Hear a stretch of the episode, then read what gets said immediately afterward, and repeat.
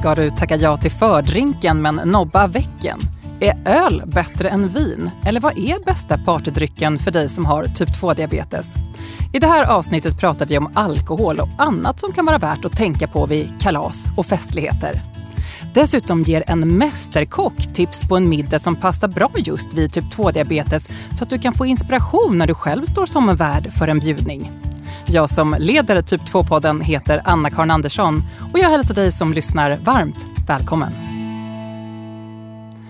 Expert i Typ 2-podden är ingen mindre än Janet Lexell, diabetessjuksköterska och docent vid Uppsala universitet. Hej på dig Janet! Hej!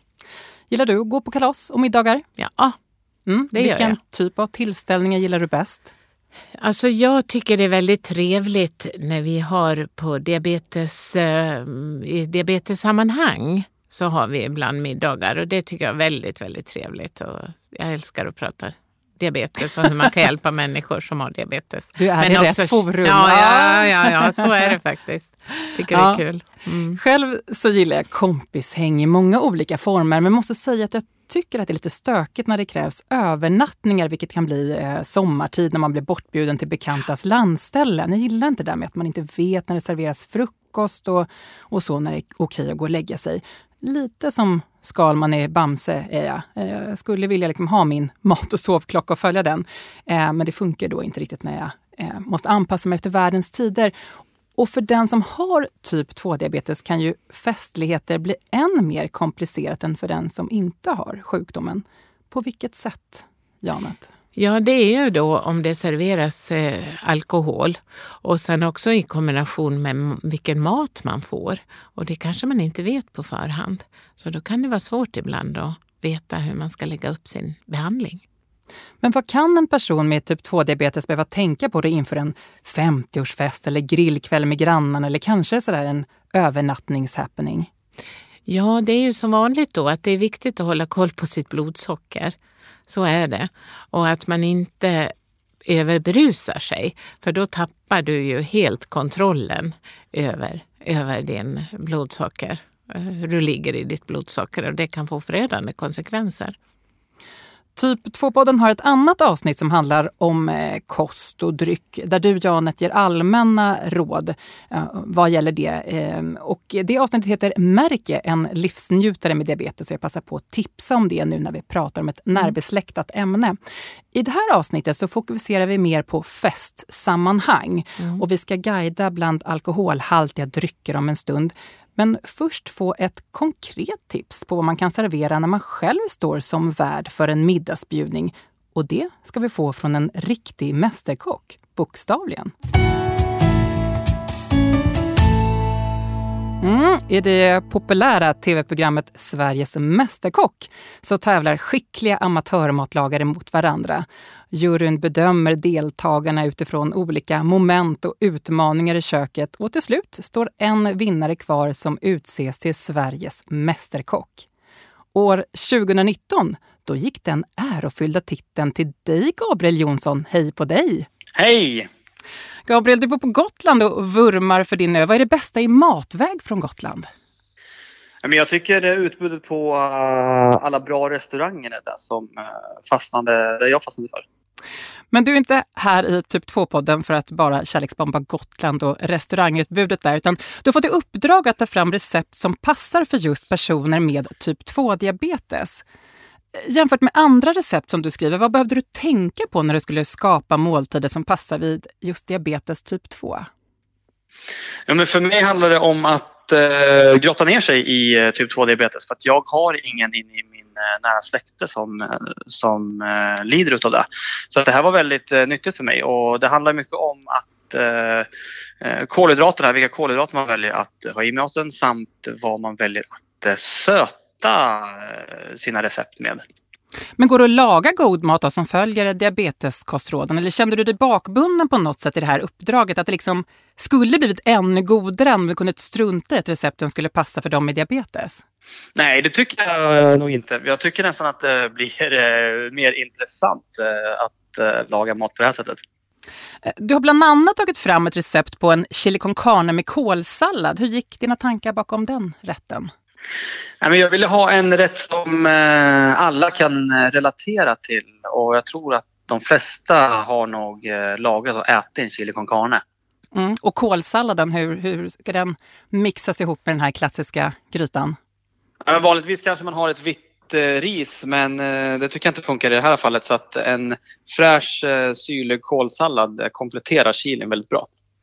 Eh, gryta det är ju också perfekt när man ska bjuda gäster på middag. Det, det funkar att göra i förväg och så behöver man inte göra en massa olika tillbehör i olika karotter som ska tajmas tidsmässigt. En, en färggrann kall kålsallad till, det låter ju lysande. För visst håller det här att bjuda på, Gabriel?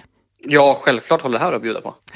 I, i tv-programmet Sveriges Mästerkock lägger ju Leif Mannerström och de andra juryn stor vikt vid hur maten läggs upp, att det är fint på tallriken. Eh, kan du ge oss eh, något tips? Hur ska man lägga upp den här rätten så att det ser proffsigt och aptitligt ut?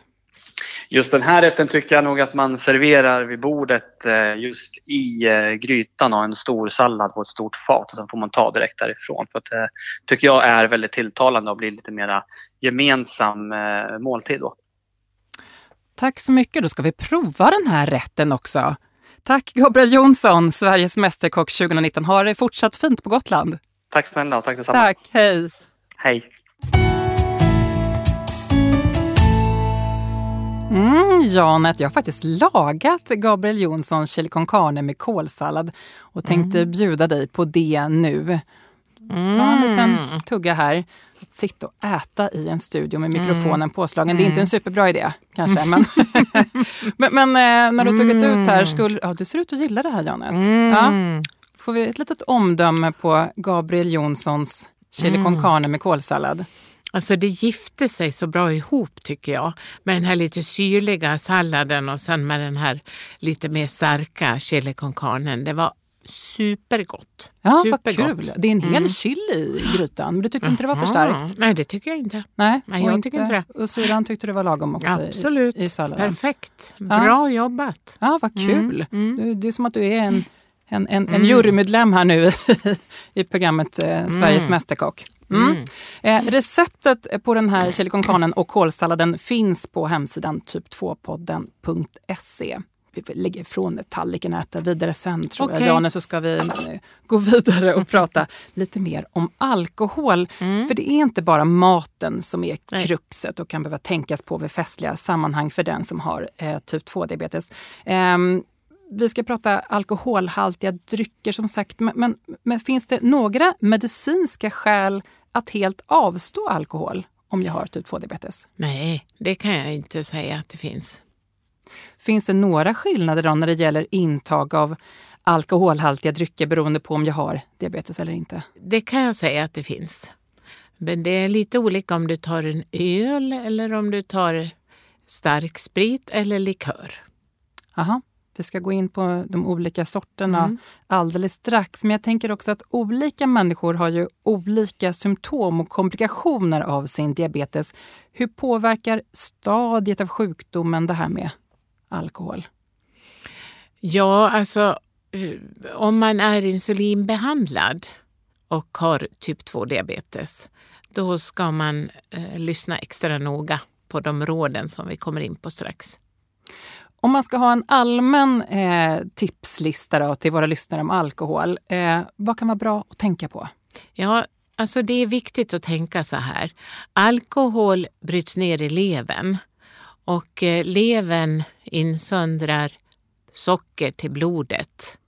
Men när man dricker alkohol då får levern så mycket att göra så att då hinner de inte producera blodsocker som kommer ut i blodet och då finns det risk för lågt blodsocker.